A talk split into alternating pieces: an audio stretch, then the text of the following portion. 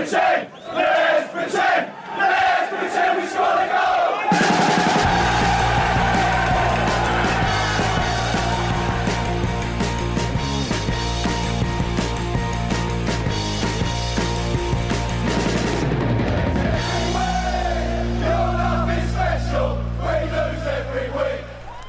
Välkomna till Premier League-podden. Mattias Lönngren sitter i förarsätet. Kalle Karlsson som vanligt i expertrollen sitter baksäteskör den här bilen. Säger till mig när jag styr lite fel. Eh, och vi styr ju väldigt sällan fel. Eh, ska, vi- ska vi börja, vi börjar den här änden. Eh, vi har fått lite reaktioner på eh, eh, snyggaste mål ska sägas. Ja, okej. Faktiskt. Ja. ehm, det har kommit upp andra kandidater. Ronaldos häxpipa där, ja. eh, på frispark eh, Ja. diskuteras. Ah, den är ju, den är, det är ju ett otroligt frisparksmål. Eh, men jag, jag ska ju ändå inte sätta in den på, för mig är det inte topp 5, det är det inte. Eh, men bland frisparkar är den ju såklart eh, otagbar och eh, en av de mest svårbemästrade. Och visst är det roligt för att vi tänkte idag bjuda på lite frisparksskyttar lite senare eh, i Precis, programmet. du säger det. Ja, jag säger ska det. försöka leverera några. Eh, vi har ju fått en fråga också om bästa bössan i Mm. Premier League och det kommer inte bli riktigt samma svar där dock. Ja. Det känner jag. Men eh, det om det. Jag tänkte att vi eh, kastar oss in i, vi pratade ganska mycket Manchester senast och vi kommer prata lite nu på en gång också faktiskt. United som ju gått som tåget tills man gick på pumpen mot först City och sen även i Europa League om vi ska blanda in lite internationellt här och det kan vi Ja. göra. Ehm, det var en fruktansvärt dålig första halvlek eh, mot City. Eh, ja, antingen att den var dålig eller att City var bra. Ja det är en Eh, definitionsfråga, säga men varför att, spelar de eh, med Lingard? Jag tyckte det var ett jättekonstigt beslut. Jag tyckte Ja, inte men- han var bra. Det där tycker jag säger ganska mycket Mkhitaryan var om... också väldigt, eh, Jag tycker det där säger, att han spelar med Lingard och Mkhitaryan tycker jag säger rätt mycket om José Mourinho. Och han har eh, hemmaplan mot Manchester City, han eh, anpassar sin lagupptagning utifrån Manchester City snarare än att gå för matchen själv. Alltså hade han gått för matchen själv då hade ju Martial startat. Även om han inte har varit fantastisk i inledningen av säsongen så har han sådana kvaliteter som eh, hade satt City på prov på ett annat sätt. Nu använder han Lingard och eh, Mkhitaryan för att liksom få två spelare som jag tror han tänker kan eh, sköta tvåvägsspelet. Framförallt Lingard. Eh, men det slog ju helt fel och första halvlek så kändes det som att Manchester City, eller ja, Manchester United då de kan inte hantera City överhuvudtaget. han var inte Alltså, nära. den där höga pressen eh, klarar de inte att spela sig ur. Eh, de blir av med bollen väldigt fort och de har inte själva någon liksom samlad press för att kunna återerövra den utan det känns som att City gör lite som de vill i den där första halvleken. Och det, jag tycker det säger ganska mycket.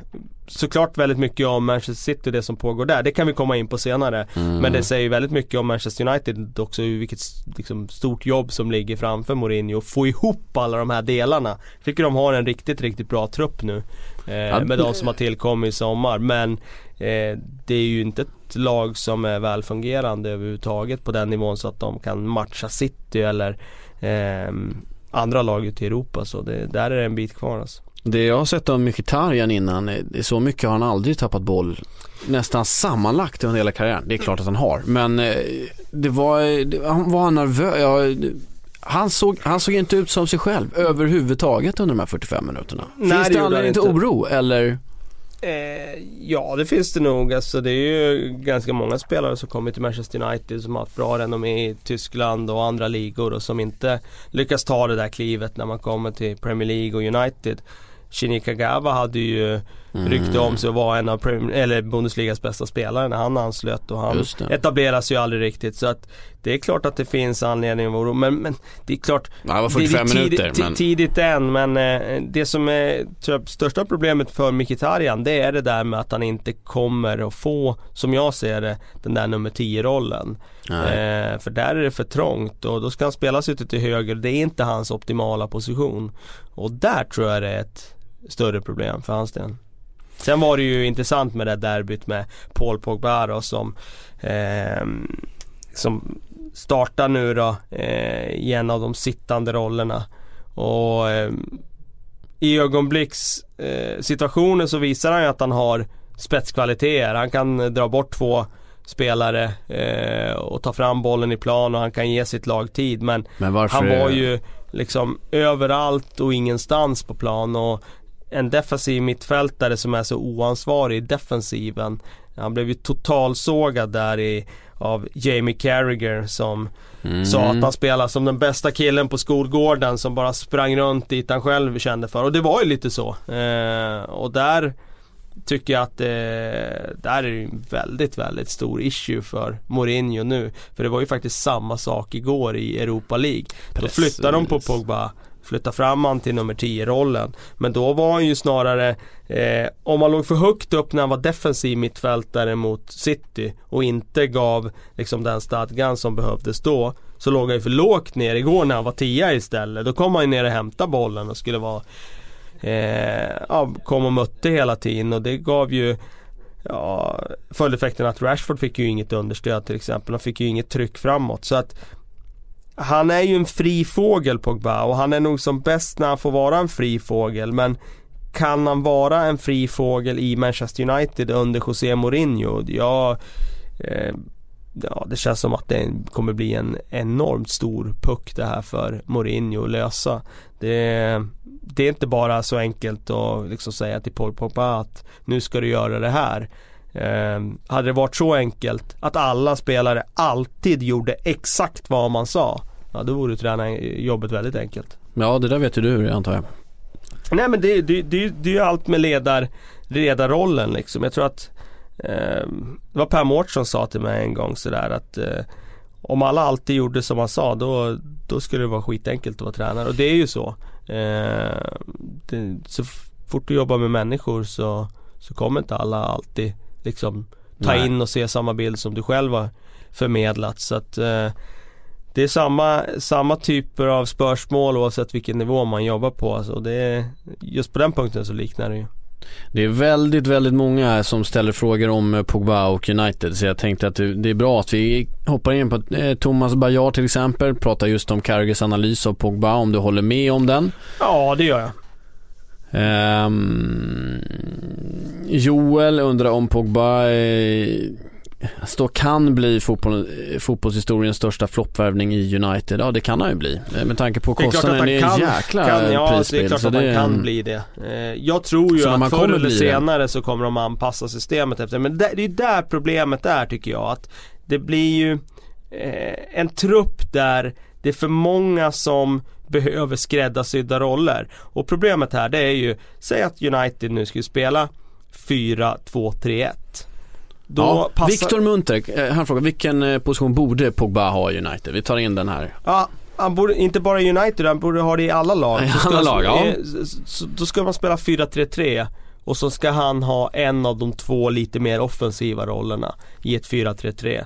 Man spelar med triangeln neråt så att man har en sittande Ja. mittfältare och två lite mer offensiva och så ska han ha en av de två. Eller att du spelar med möjligen en diamant mittfält där han ligger kanske till vänster och får gå inåt i plan. Eh, eller som spets i en diamant. Där tror jag att han skulle Det kunna behövs fungera. städgumma helt enkelt. Eh, det behövs sådana som täcker upp bakom honom, ja. För att han behöver ju vara en sån mittfältare som får röra sig lite fritt och han ska fylla på framåt och han ska kunna få gå iväg. För han är ju väldigt duktig på, framförallt det här med att ta med bollen, alltså ta fram bollen i plan verkligen. Där har han ju spetskvalitet som få andra mittfältare har. Men Absolut. problemet är ju här att det är så många spelare som ska fogas in i det här. 4-2-3-1 och han är en av de sittande rollerna. Nej, då blir det som i derbyt att han är på massa platser där han inte ska vara. Eh, spelar han 10, ja då finns det ingen nummer 10-roll för Rooney, Mkhitaryan eller Mata. Eh, och då måste du flytta på någon av de spelarna. Nu tycker jag i och för sig att Wayne Rooney såg bra ut när han gick ut på högerkanten i, i derbyt där i andra halvlek. Men det är ju inte hans position. Då har du Nej. liksom försakat Rooney istället. Ja, det kanske är värt att göra det för Rooney är inte den spelaren han var tidigare. Men det jag vill liksom poängtera att det blir ett enormt pussel för att man ska få ut det mesta av Paul Pogba.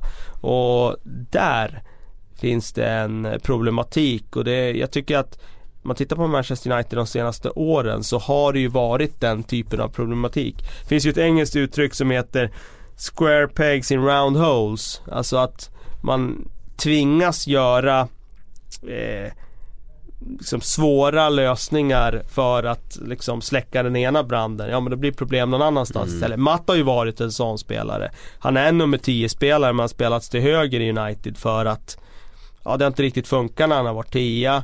Eh, blir lite för eh, bräcklig defensivt. Ja då ska du ha honom på en kant istället. Och vad innebär det då för kantspelet? United har alltid varit ett lag som vill komma runt på kanterna och slå inlägg. Matta är ju inte en sån kantspelare. Alltså det blir hela tiden de här följdeffekterna och jag tror just Pogba, där är det eh, Det är en helt otroligt liksom Det är en unik spelare sett till sina kvaliteter. Han är en rå talang. Ja det får man ändå säga. Alltså, han har eh, en del egenskaper som andra inte ens kan drömma om att ha. Men han är en svår spelare att foga in i ett system och det, det se, såg vi i Frankrike i EM. Eh, Mm. Det såg vi även i Juventus. Men där fick han rätt roll och då var han bra. Och där, där Just nu så är det svårt att hitta den rollen för han i Manchester United utan att det drabbar andra spelare. Som det ser ut nu i, i fler och fler matcherna så vill han så himla mycket också. Eh, framförallt när det har gått lite dåligt. Och när han vill saker då blir det, som du säger, han kommer lite långt ner. Och sen så det han är väldigt bra på det är ju att driva upp bollen. Han, han kan ju driva förbi en två, tre spelare som tror att de har bollen av honom så kliver han vidare. Däremot så är han ju väldigt dålig på att släppa bollen. Han håller den för länge nu, han driver förbi en, två och så det- finns det läge att släppa på någon på yta och tjäna mycket. Men då gör han inte det utan han driver längre till och så stannar upp istället. Jag tyckte man anledning. såg det igår i, i Rotterdam eh, att, eh, att han, han spelar inte riktigt med självförtroende nu eller Det är som du säger, han släpper inte bollen i rätt läge. Så tar han skott också från Ja. liksom så dumma eh, lägen och det tycker jag är ett tecken på att han är liksom Han är inte helt stabil kanske. Nej, jag tror att när han blir liksom så sågad som han blir i Sky Sports där så är det klart att det når ju fram till honom också. Det är klart att han påverkas av det, det är jag helt säker på. Ja, det, det som behövs där är helt enkelt eh, troligtvis mål och lite framgång så kanske eh, United hittar stabiliteten och, Pogba då. Men eh, du, ja, det kommer bli svårt ändå kanske att få det här pusslet att fungera så att det blir optimalt just för Pogba. Eh, men ja, Mourinho kommer få, få jobba på däremot. Eh, Då kan vi konstatera att det är gladare miner eh, på andra sidan i Manchester. Ja det kan man eh, verkligen konstatera. Vilka Det, ska stoppa City och Pep Guardiola? Jag tyckte att de, om vi säger så här, första matcherna då tyckte jag att det såg lite stabbigt ut. Alltså att de inte Okej. riktigt fick ut det så som, jag- man så, jag såg vad Pep, vad han ville, för man vet vad han vill. Men det såg inte ut som City skulle klara av det, det var för mycket tapp och det var liksom som sprang fel. Men de blir ju bara bättre och bättre nu, tycker jag. ja. Ja, jag tyckte att det såg ganska bra ut redan i första matchen. Eh, man såg ramarna av, av hans eh, liksom, spelidé och att eh, han ändå hade materialet för att kunna liksom, genomföra den eh, filosofin han har. Och ja, jag tycker det är helt fascinerande hur snabbt det liksom har fallit på Ja plats men nu där. är det ju, ser det ju Eh, galet och, ut. Nej, du ställer frågan vem som ska stoppa dem. Jag vet inte vem som ska stoppa dem. Eh, det blir nog väldigt svårt. Nu tycker eh, jag dock att United gjorde en riktigt bra andra halvlek och eh, de Jo, hade oförtjänt men- 1-2 bara med sig i halvtid. Eh, De kunde ju till och med haft 2-2 ifall eh, Zlatan hade tittat upp när han får bollen där i slutet. Men eh, ja, det, är en, det känns ju som att det hade varit en olycka snarare än eh, Ja, City var ju i första halvlek fruktansvärt överlägset. Och Det var ju som- verkligen med i andra också. Det som gör City starkt är ju att de städar av de här sämre motstånden väldigt enkelt. Och gör man det i längden då, då blir man svår att tas med för att eh, Titta på de andra lagen så har inte de alls lika lätt att, att göra det. Eh, Liverpool har svårt mot sämre motstånd. Arsenal har sina dagar när det inte fungerar. Chelsea eh, går att ta ett kryss mot Swansea helt onödigt, släpper in onödiga mål. Mm. Manchester United är inte färdigbyggt än.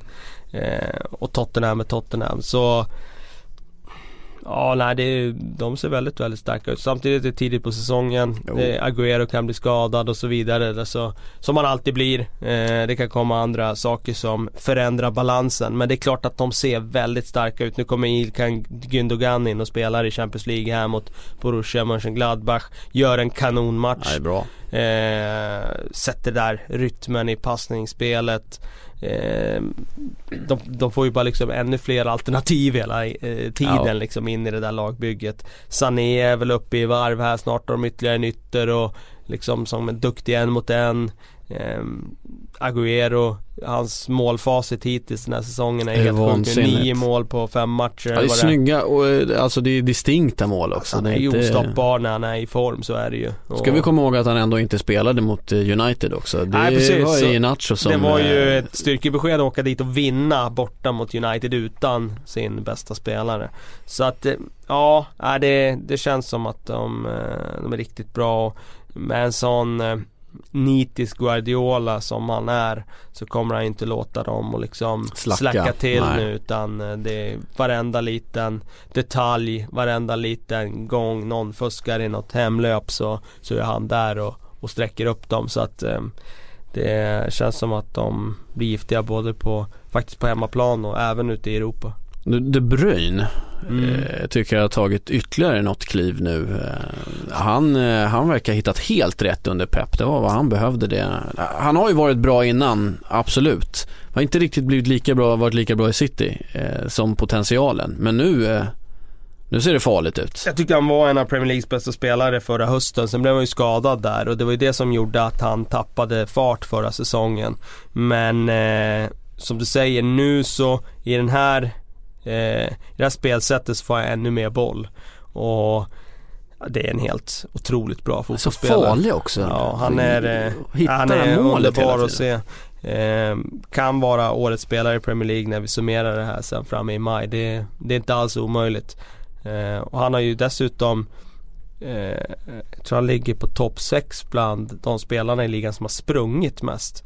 Vilket är en sån där egenskap som du kanske inte förknippar med en spelfördelare. Men det innebär ju att han är väldigt, väldigt nyttig i spelet utan boll också. Mm. Eh, ta löpningar offensivt och öppna för andra och öppna för sig själv. Och, nej, det, det har varit kanske ligans bästa spelare i inledningen av säsongen. Måste ju också vara eh, typ en drömspelare för en tränare i sådana fall. Som är farlig, är bidrar framåt men fortfarande gör oerhört mycket jobb eh, Eh, i det tysta som det heter dessutom. Ja verkligen och man kan ju dra parallellen där då till en sån som Yahya Touré som också har fantastiska kvaliteter men han är ju allt annat än en drömspelare för Pep Guardiola för att eh, han är inte så sugen på att springa utan bollen vid fötterna.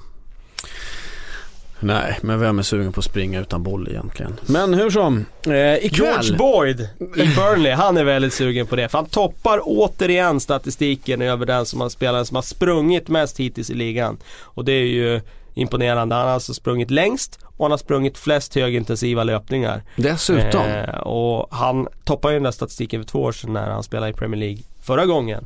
Så att eh, det är ingen slump utan George Boyd är en evighetsmaskin i den här ligan. Han vill, kan och eh, orkar. Ja precis. Två på listan över längst sträcka är alltså Jordan Henderson och tre är Roberto Firmino i Liverpool. är inte det fantastiskt? För jag tänkte precis att vi skulle prata Liverpool. För mm. eh, vi spelar in det här på fredagen så att om du lyssnar på lördagen då har matchen som spelas ikväll redan varit.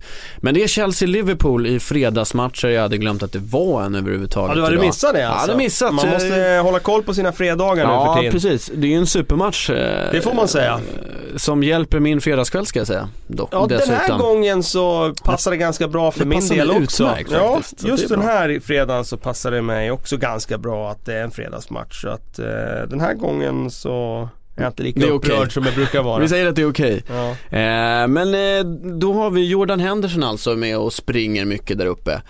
Eh, Liverpool, ja de gör ju mål, men de släpper ju in mål också. Ja, eh, senast så tycker jag de massakrerar Leicester eh, spelmässigt och var fullständigt briljanta. Firmino som vi nämnde här nyss, mm -hmm. han eh, gjorde ju, tycker jag, en helt fenomenal insats. Eh, den bästa insatsen jag sett han göra i England hittills. Och, ehm, eh, jag måste säga, jag måste nog eh, backtracka lite på honom. Att jag var inte riktigt säker på honom eh, när han värvades och så. Att han hade den här nivån i sig. Men om man tittar på hans match senast så det är ju inte bara det där målet han gör. Det är inte bara liksom Eh, den där kyliga avslutningen när han gör sitt andra mål när han håller i den och fintar backen när han egentligen kan lägga in den i öppet mål men han fintar han en gång till.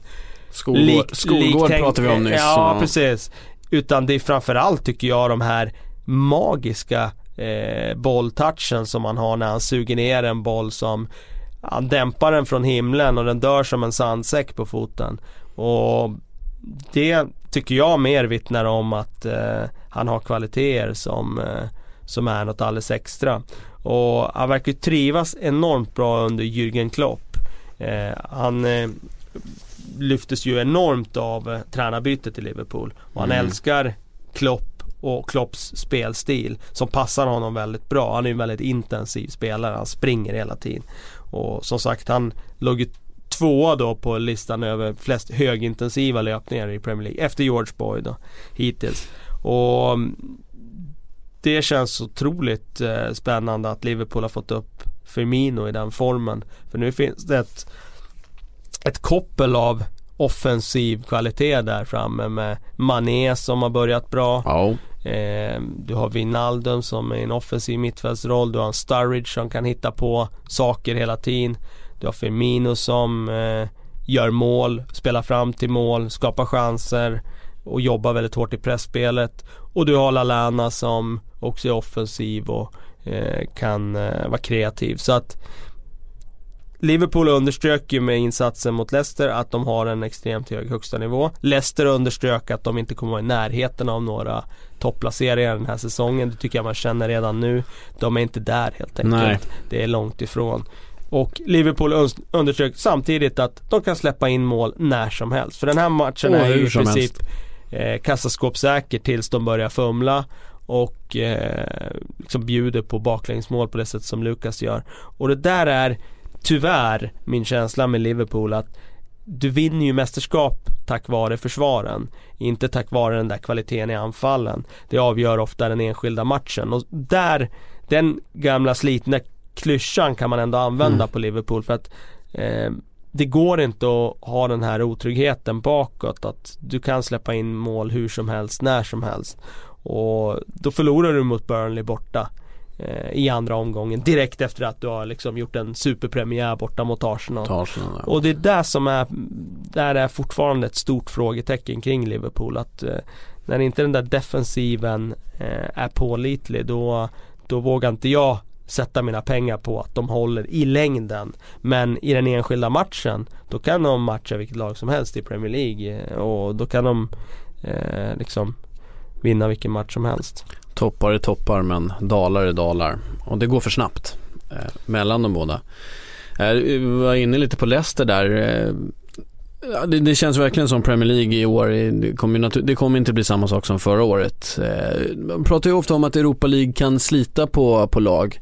Nu var de ju riktigt bra i, eh, I Champions i League. Champions League. Ja. Riktigt, riktigt bra igen. Det är nästan så att man kände att det är kanske här de hittar tillbaka Ja, till alltså, spelet. För nu, det var, det var imponerande. Det måste jag säga.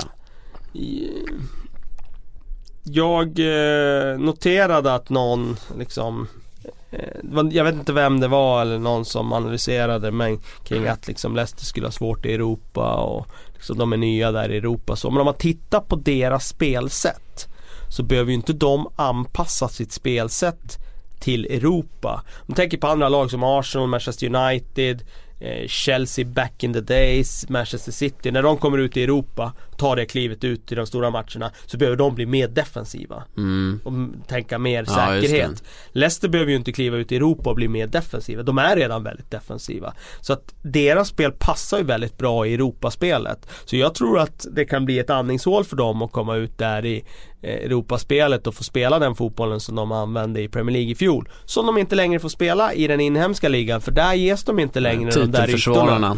Ja precis, där har ju liksom lagen lärt sig lite att vi ska inte bjuda Vardy på de där ytorna.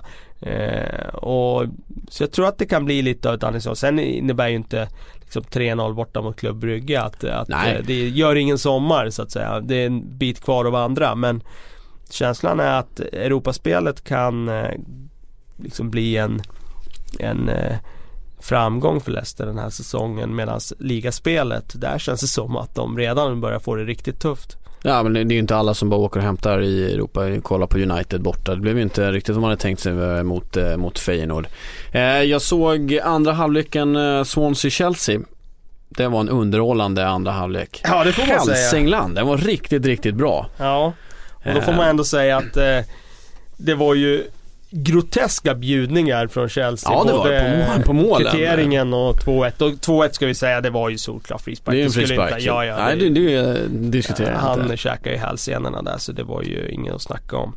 Men, Eh, han var ju fick den också- inte så. Ja. Nej precis, men det var ju intressant där tycker jag med, med om vi tar Swansea då. Jag tycker Mm. eh, de ser eh, ut som ett stort osäkert frågetecken faktiskt. Eh, det eh, känns inte alls som att de är på väg åt rätt håll nu under Guidolin utan de har stagnerat och slagit i glastaket för ett tag sedan. Och nu känns det som att det är ett lag för undre halvan. Eh, hade jätteproblem i första halvlek där mot Chelsea. Mm. Eh, spela fembackslinje funkar ju inte alls. De var ju, alltså, det var som att de eh, Defensivt så funkar det inte. Offensivt så kom de knappt fram på offensiv planhalva i första. Eh, och han tog ju då ett beslut att göra ett tidigt byte. Han bytte ju ut Neil Taylor före paus. Och det är ju väldigt Ja, sällan det man gör det. Han sa själv att han aldrig hade gjort det med en spelare. Och han har ju ändå varit tränare sedan kvarn brann Gudelin. Så att det säger ganska mycket. Eh, och så stack, stoppade han in Modo Barrow då och gick på eh, istället ett mer konventionellt spelsystem med yttrar. Och då fick han ju i alla fall en bra effekt av det. Och sen i andra halvlek där så blev det ju som du säger en väldigt, väldigt bra fotbollsmatch. Av Ja, att Swansea bara plötsligt vände på det och sen Ja, de- vaknar Chelsea till liv igen. Det var en fantastisk pumpning fram och tillbaka där. Ja, det var det. Eh, Och, Och- Swansea fortsatte fast eh, man tänkte nu borde de börja tänka lite defensivt men det gjorde de ju inte. Och så får man ju säga också att eh, det finns en inneboende styrka redan i det här Conte-Chelsea som ändå får med sig en poäng i Ja. en sån där match där det är lätt att tappa hela stycket liksom. Nu får de ändå en kvittering hyfsat sent och med lite tur hade de till och med gjort Ja, inte segermålet bra. också. Och det hade den- varit ännu mer typiskt ett Conte-lag. Ja och det personifieras utav en spelare skulle jag vilja säga.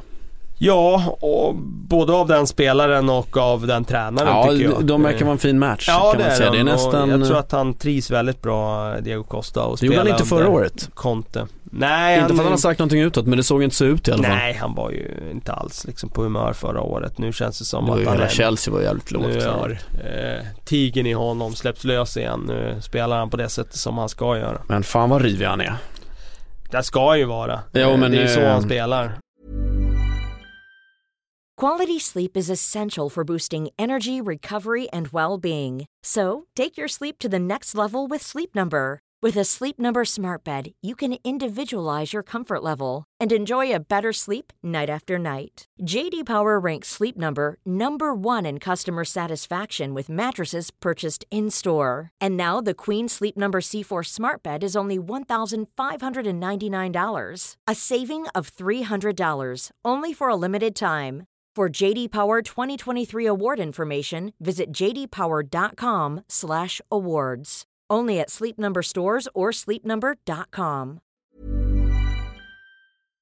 Det är så han alltid har spelat. Känns det inte konstigt att han aldrig har blivit utvisad? Jo, det I Premier känns, League, i Premier League. det känns otroligt eh, märkligt. Det eh, har ju blivit en snackis just det där nu. Eh, och jag menar, om man tittar på vad han gör sig förtjänt av i match efter match så är det väl ett orange kort i varje match. Ja men han är ju på gränsen. Eh, och det är nog ett antal röda han borde ha fått. Samtidigt så får han en väldigt hård uppvaktning. Det var det Conte tryckte på att eh, Ja, försvararna det. försöker ju reta honom. Samtidigt, det är ju inget Men han det är störs inget, ju inte av det. Det är ju inget unikt att en försvarare försöker liksom gå på lite hårdare på en spelare Nej. som man vet går att reta upp. Man skulle nästan eh, undra lite vad som hände ifall de inte höll på att reta han så mycket. Om man, om man inte lät honom bli sådär sur. Ja. Eh, om man skulle tappa på det. Men då måste man å andra sidan låta honom stå lite fri och det är nog ganska dumt. Med tanke på att han är så farlig. Så att det är... Ja, det där, är, det där blir lurigt. Eh, jag gillar ju Diego Costa. Eh, det går inte att komma ifrån. Man gillar ju en sån, jag gillar en sån karaktär som är så stökig.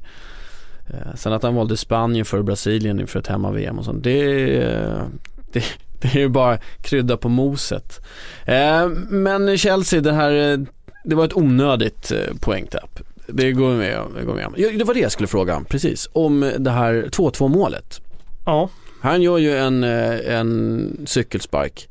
Han är ju ganska högt uppe ändå när han träffar den här bollen Ja. och träffar sen en back i huvudet. När han, han träffar bollen först och sen är det en back i huvudet. är det där farligt spel eller inte? Jag, jag, ska säga, jag tycker att det är lite på gränsen för att det är ju, när man ser att han kastar sig uppåt för att göra den där sparken, det tar ju emot att trycka in huvudet där då. Ja, då får man göra en bedömning vem som är först in i situationen. Och Så just i det här fallet så tycker jag att Diego Costa är först in i den. Han äger bollen ja, eller? han äger bollen i det läget och då är det han som väljer spelsätt. Och därför tycker jag att domaren gjorde rätt som godkände målet. Men det är ju ofta domarna bara av ren slentrian dömer till försvarande lag i sådana Mm. där lägen. Och ofta blir det ju faktiskt frispark till försvararen när det kanske inte borde vara det. Ja, det, Utan- det är ju som målvakterna, de har lättare att få det än Så är det. Ja men här, här, här kom de undan alltså helt enkelt. Eller de, det här, här var det rätt så det var bra gjort utav, utav domaren. Hur tror du det kommer gå här Chelsea-Liverpool? Det är svårt att svara på eftersom du inte vet hur Liverpool, vilken nivå de kommer hålla den här gången. Nej, och man vet ju inte alls vilka lag och sådär de ställer på banan. Eh, Det som är intressant här det är ju att Conte har gått ut och sagt att eh, David Luiz kommer att spela den här matchen. Just så. Och det innebär ju att det kan vara så att han går på trebackslinje ikväll. Och att han liksom förändrar någonting i dynamiken eh, och alltså att han ser att det här är rätt match för att göra det. Eh, det blir väldigt intressant att se. Eh, det vet vi ju inte ännu men eh, Louise kommer starta i alla fall och känslan är ju att det är två lag som det svänger ordentligt om hittills i ligan. Så det borde rimligen bli en väldigt sevärd match. 0-0 känns inte som... det tror jag inte att det eh, blir. känns Det inte. jättetroligt. Oliver Lundell har en fråga här. Vem tror ni Klopp petar idag mellan Coutinho, Firmino, Sturridge, Mané och Lalana? Ja, Mané tror jag inte petas. Firmino petas inte. Nej, Eh, vilka sa han med? då är det ju. Coutinho eller, Lalana. Sturridge var med där också, men det är Ja. Coutinho eller Lalana det står Ja, jag tror då, att det kan säga. vara Coutinho igen då eftersom eh, det gick så pass bra som det gjorde senast. Mm. Och det är inte, de spelar ju inte nyligen utan de spelar ju faktiskt på helgen så att eh, det är ingen veckomatch vi pratar om så att någon är sliten utan jag tror nog att han går, han kan gå på samma lag igen. Ja, det är nog inte omöjligt. Vad tror du, eh, ja nu Louise kommer in där i Chelsea, Chelsea kommer ju tugga på det där. Jag, jag, jag tror ju, ja, Liverpool brukar vara inblandade i väldigt roliga matcher historiskt sett så att det här kan nog, kan nog bli lite vad som helst. Jag, jag tror ju att Chelsea kommer dra det eh, längsta strået ikväll om jag ska Ja, sätta mig och tippa. Okej. Eh, Tim Thomasson frågar här, varför envisas Wenger med Alexis som cent- CF? Ser han något Ja. jag missar? Ehm, ja, jag vet, jag vet faktiskt inte riktigt. Men det är, det är ju tecken på att han inte är nöjd med de andra striker-alternativen. Nu har han ju Giroud, han har Lucas Perez som har kommit in. Och jag tror ju att jag tror inte att det är en långsiktig lösning med Alexis Sanchez där framme. Det tror jag inte. Jag tror att eh, eftersom Giroud och Lucas Perez erbjuder två vitt skilda saker till sitt lag. Giroud är ju bäst egentligen felvänd. Eh, så tror jag att han kommer kunna använda dem utifrån matchbild och varva de två spelarna och jag tror att Alexis därför kommer gå tillbaka till sin kantroll. Eh, jag tycker också att det är lite märkligt att han har spelat honom där. Ja, jag tycker inte Alexis Sanchez har fått ut så mycket. Jag trodde att han skulle ta större plats i Premier League och Arsenal än vad han har gjort. Jag trodde han skulle dominera Han var ju fantastisk ännu första mer säsongen. faktiskt. Ja men han alltså jag trodde det skulle vara ännu bättre faktiskt. Ja, Han, okej. eh, ja men han är, det han visade under VM när han verkligen har burit eh, eh, Chile. Så jag trodde att han skulle komma in med det också till Arsenal. Och att det därmed också skulle öppna upp för Özil att bli lite, ta några kliv liksom. Men eh, jag tycker inte riktigt att de har fått ut precis allt som, som de kan, som finns där. Eh, nu ska vi prata frisparkar tänkte jag. Kör. Ja, bästa frisparksskyttarna i, i Premier League. Ja. Eh, och vi, vi har ett ganska brett spektra, vi pratar inte bara idag. Liksom. Även om det kan vara någon som kanske är där uppe. Ja. Eh, rent eh, procentuellt så är eh, i Christian Eriksson, Ja, han ligger nog högt. han ligger bra till där. Eh, det gör ju- Dimitri Payet vill jag in där också. Jag tycker han har Ja, Payet väldigt han bra ligger in och... träffprocent och så. Ja, om Eh, han fortsätter på inslagen bana så kommer han att vara med i rekordböckerna. Ja. eh, I... Har du kollat upp någon statistik på det här? Ja, jag satt och läste precis innan, jag har inte exakt nu men han, han, eh, han ligger bra till i antal mål, matcher mellan frisparksmålen. Ja. Eh, än så länge. Mm. Där är ju Sebastian Larsson å andra sidan. Ja, Eh, riktigt Precis. bra placerad. Han har faktiskt gjort fler mål än vad man tror. på frispark ja. ja. Ja. nej men han var ju riktigt bra frisparksskytt Larsson. Jag tyckte han tappade den förmågan i takt med att hans självförtroende dök lite men han var ju en riktigt vass frisparksskytt tidigare. Tre, fyra år sedan. David Beckham hade ju några helt magiska år som är är svåra det. att förbise där runt millennieskiftet och då kändes det som att när han slog en frispark så var det målchans varje gång.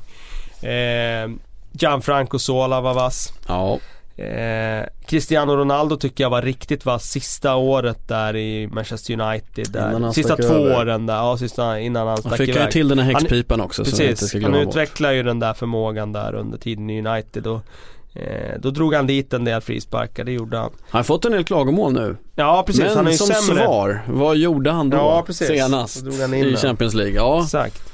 Ehm, ja, vilka har vi mer som är sådär äh, extrema? Henri har gjort en hel del mål faktiskt. Man tänker inte på honom som en frisparksskytt. Nej men han hade eh, vassa frisparkar, det är ingen tvekan om det. Men hur många var det? Var det verkligen så att det är uppe på i liksom ja, det Larsson, Eriksen nivå? Det tror jag Typ inte. 12 mål gjorde han i alla fall, men Ja. visst på, om vi ska se sett på försök så Mm. ligger, Ja, det är han det inte, ligger han inte riktigt lika Nej, bra till. det är gör det jag inte. menar. Men, eh, eh, ja sett Nu har inte försök. jag tänkt, nu ska jag Nej. poängtera, jag har inte tänkt på det här innan jag fick frågan. Det jag kommer missa massor av duktiga Det, det kommer vi göra, men nu. det är bara att ni skickar till oss så tar vi upp dem i nästa podd, Ja, de vi precis. missar. För vi kommer ju att missa, det så är det. Det går När inte man att komma sitter här i skarpt liksom. läge så är det svårt att komma ihåg alla de där namnen bara Jag på säga att- uppstuds. Men eh, eh, Och- Eriksen ligger bra till tycker jag för att vara en av de bästa jag har sett i Premier League. För att det känns som att han, det är sällan han skickar upp dem på, på familjeläktaren utan de Nej. är alltid där någonstans kring krysset och, och stryker ribban. Ja, då, där har, då har jag ett namn som inte är riktigt lika pre, eh, träffsäkert. Jimmy Ford Hass, Hasselbank. Ja, Men är- när han träffar å andra sidan, Ja, men där, det är mer kraft ja, också. där var det verkligen mer kraft. och det är därför s- blir det också väldigt snyggt när han väl får ut den vid ribbkanten så blir det ett spektakulärt frisparksmål. Ja, Så han är det var ju. definitivt en av de eh, som sköt hårdast på sin tid. Leighton Baines är ett namn som dyker upp när man eh, Ja, kollar frisparksskyttar. Så eh, det är ju naturligt. Han har ju dragit dit några riktigt snygga.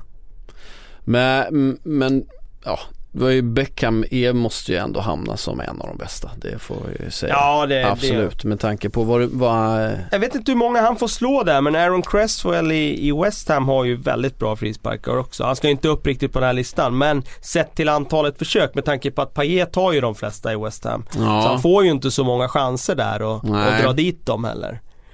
Ehm, Vet du vem som eh, faktiskt gör en del mål fast eh, inte så många chanser också? Ryan Giggs. Jaha. Han har eh, tryckt dit en del frisparksbollar faktiskt. Jaha. Jo, ser du. Men det måste nästan vara fler sådana här inläggsfrisparkar som Nej. går förbi ruset och... Nej. Ja men så, många, så många snygga har han ju inte dragit dit. Han gjorde en i Champions League mot Lille vet jag. Men det var också sån där, det var medan han gjorde en sån där fräckis medan målvakten ställde upp muren. Ja så gick han precis, och- och ja, men han har ju inte bara gjort sådana. Han har alltså faktiskt eh, även skruvat dit dem. Du får gå in och kolla på det internetet sen. Ska Jag ska göra det. Eh, nu, nu var vi inne på Premier League. Kommer du ihåg när Kim Källström var en riktigt bra frisparksskytt? Eh, ja det minns jag. Eh, och så gick han till Lyon. Och där fick han inte slå så många frisparkar. För där Nej. fanns ju faktiskt kanske världens bästa frisparksskytt någonsin. Ja, eh, I de säger det. De Jag säger tycker det. Han, ja, de var ju häftiga hans frisparkar i alla fall. Sen skulle jag vilja se statistik där också på hur många mål han gjorde. Ja men det, det är inte... Men det är klart att han ska in på en, en topplista. Det, han var ju lite föregångare också med det där tillslaget. Ja precis, men det var ju inte bara att de var häftiga. Han, hade ju, han kunde ju slå nästan alla typer utav frisparkar också. Han hade ju inte bara en, en sorts. Beckham, Beckhams frisparkar var ju ganska lika de flesta. Ja, det var... Eh, även om han eh, eh, inte alltid skruvar mot, det, mot den sidan man tror. Han gjorde gärna ytterskri, eller skru, in, skrivaren utåt mot bortre eh, Det gjorde han flera gånger ja. Väldigt ofta faktiskt. Ja, men det om det om frisparksskyttar och som sagt vad vi har missat några. Det var inte riktigt lika specifikt med mål som vi gjorde förra gången där vi hade specifika mål. Så vi har inte pratat specifika frisparkar som varit snygga, för det är ju en annan sak. Eh, alltså Ja, få till en riktigt snygg många- frispark. Det är så det- många liksom. Ja, det är- Sen blir de ju ganska lika frispark för det blir ju från en set piece och Så är det.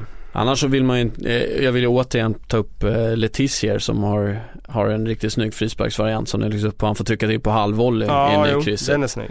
Jag Men- tror att David Jones i, när han spelade i Wolverhampton, eller vad kan det vara, vad kan han ha lirat då? Att han gjorde den också. Samma variant? Ja, Mhm.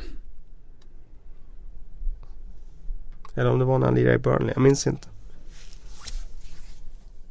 Ja, det där är, är svårt. Och sen här har vi en fråga från, eh, från Viktor. Den är egentligen ställd i en konversation på Twitter som vi har haft om att vi spelar in på en fredag. Som är sent på veckan vi pratar ju ändå ganska mycket om det som har varit. Vi kan inte bara prata framåt. Och ett önskemål att vi borde börja spela in lite tidigare på veckan. Och där har vi faktiskt ett svar som vi har kommit fram till genom att konversera lite idag, Kalle. Ja precis, jag har ju varit en förespråkare för att vi ska flytta den här till måndag eller tisdag ganska länge. Vi la ju den här på torsdagar för att Niva skulle kunna vara med, men han är ju med så sällan så Ja. att nu kan vi flytta ner den till måndag, tisdag.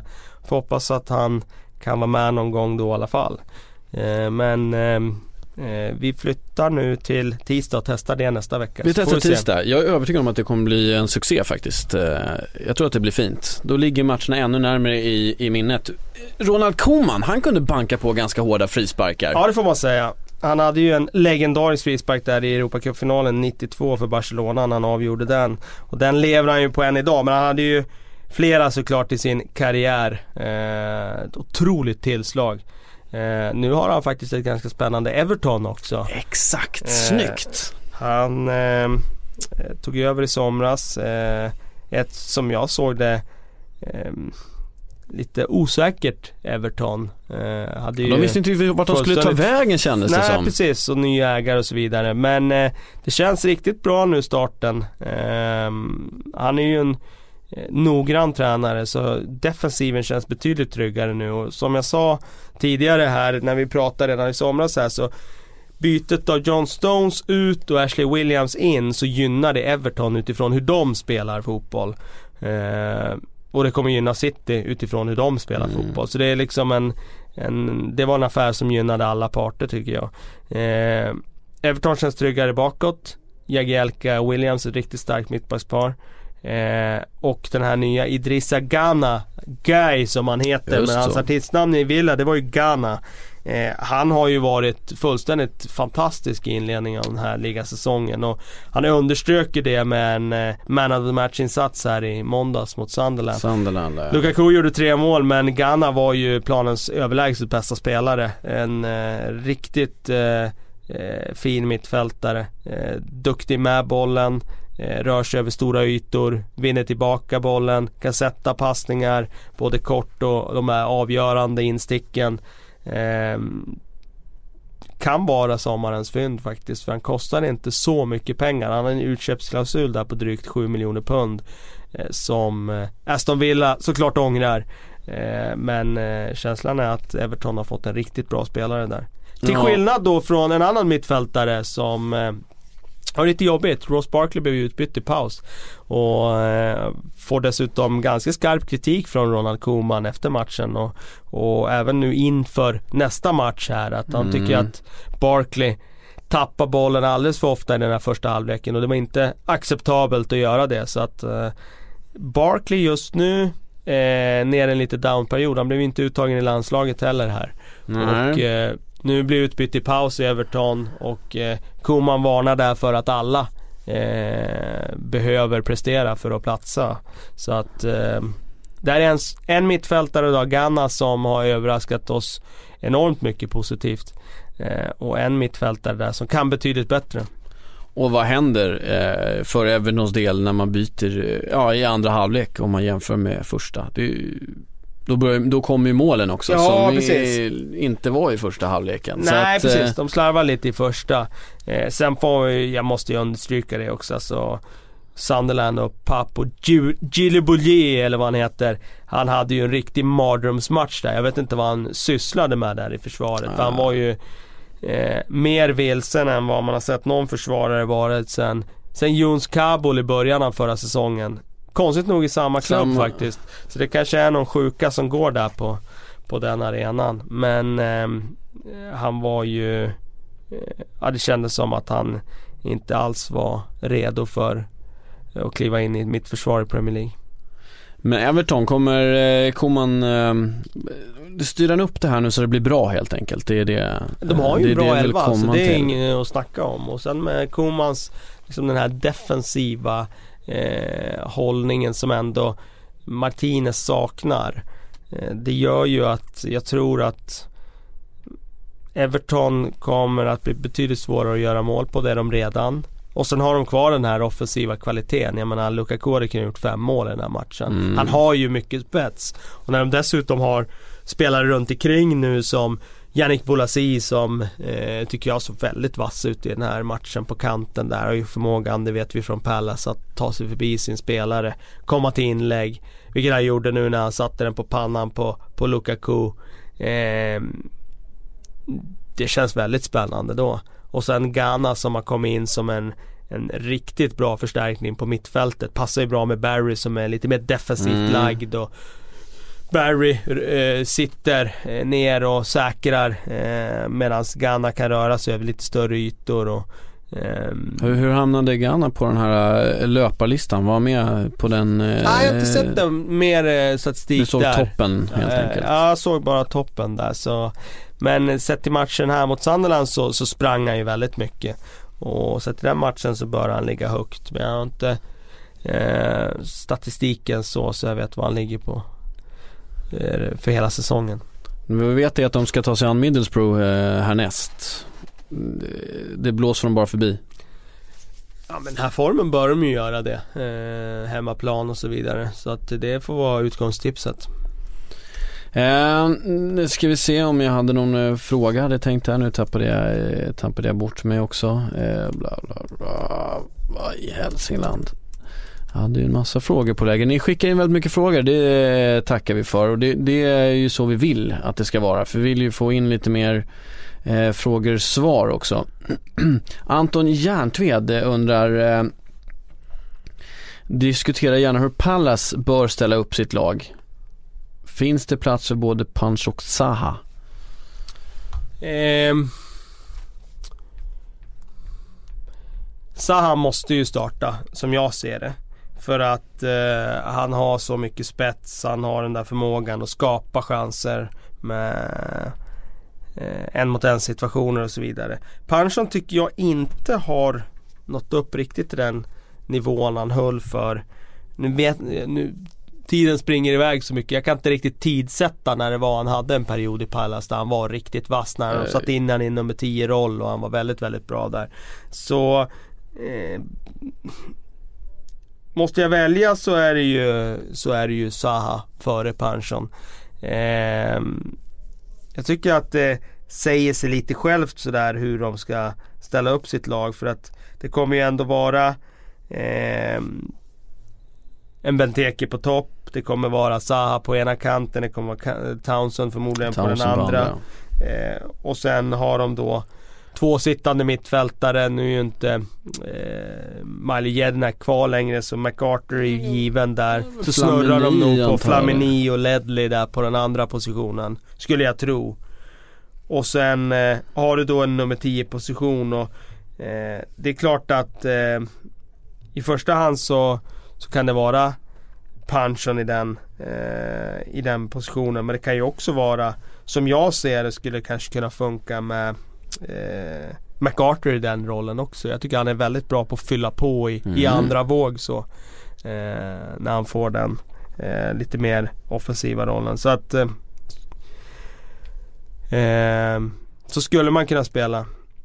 Samma frågeställare också, eh, tycker att vi ska kolla upp lite mer hur eh, där var det. Inläggsspelet, det borde utvecklas nu i och med att man har Benteke. Eh, han bidrar egen fakta att de eh, eh, näst mest förra säsongen på inläggsspel enligt eh, Anton Järntved alltså.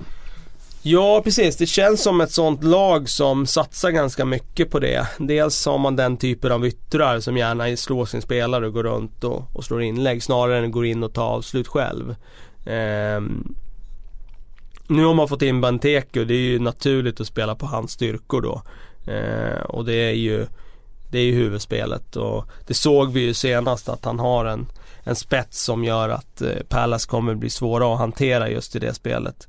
Ehm, självklart så, så, så kommer de få ut mer av sitt inläggsspel nu med Benteke. Det säger sig självt att eh, Ja, han, han har den fysiken, storleken som, som sätter försvarare på prov där framme. Ehm, Stoke City, om det fortsätter att vara så här, Rickard Andersson undrar, bör Stoke avsparka Mark Hughes om kräftgången fortsätter i helgen? Missar ju en spelare där i Palace ska jag säga när vi snackar mittfältare. Johan Kabay ska ju såklart in i, i den där leken där. Jag hade glömt bort han och det säger väl lite också i och för sig om hans form. Han har inte varit eh, eh, så bra som han var i inledningen av Palace-tiden där. Men det är klart att han ska starta i Palace på en av de sittande rollerna. Eller då ett steg fram i nummer 10-rollen där han kan vara närmare mål och slå de avgörande passningarna. Förlåt, nu får du gå tillbaka in. Ja, Mark Hughes, Stoke, om de fortsätter kräftgången i helgen, bör han eh, plockas bort? Nej, det tycker jag inte. Utan jag tycker fortfarande det är ett spännande eh, Eh, projekt han håller på med där och förändrar dem. Och det gör man inte direkt och det liksom kommer säkert att vara lite dippar under vägen men jag tycker inte man ska plocka bort honom nu. Vad, vad ska, alltså de gjorde en bra säsong i fjol och plocka bort honom nu när han har fått liksom bygga på det här eh, eh, och ta in en annan tränare. Ska den tränaren göra något annat då? Med de här spelarna. Nu har de ju ändå små tekniska spelare. Det är lika bra att de att bygga fortsätter så, by- bygga på det nu. Och jag tycker han ska ha betydligt mer tid än att man skulle göra något förhastat nu och plocka bort honom. Eh, det här är en fråga som är, ja det blir 50% Premier League. Diskutera gärna Spurs insats mot Monaco och hur bra Dembele var när han kom in. Den var riktad specifikt till dig faktiskt Kalle. Ja okej, ja, jag har inte hunnit se den matchen än. Aj, aj. Så att eh, det, eh, jag får passa på den frågan. Vi skjuter Eh, upp den. Ja precis. Eh, vad jag förstår, det jag läst mig till var att de blev utspelade av Monaco. I alla fall när det handlar om eh, smartness och liksom kvalitet i de avgörande momenten. Eh, så att det var väl en liten läxa för Tottenham det där. Samtidigt så det har inte gått så bra för engelska lag när de har använt Wembley som hemmaarena i Europaspelet. Så att det kanske sitter någonting i det också. Eh, men eh, jag får avvakta med, med Spurs-analysen där.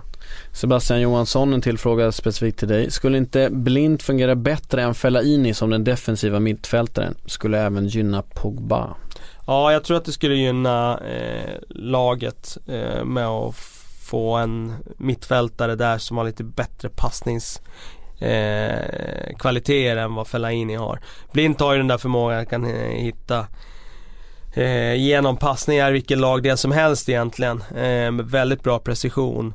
Och det gör att han har en eh, viktig egenskap när han spelar mittback för då har de bra eh, första bollar upp i uppspelen.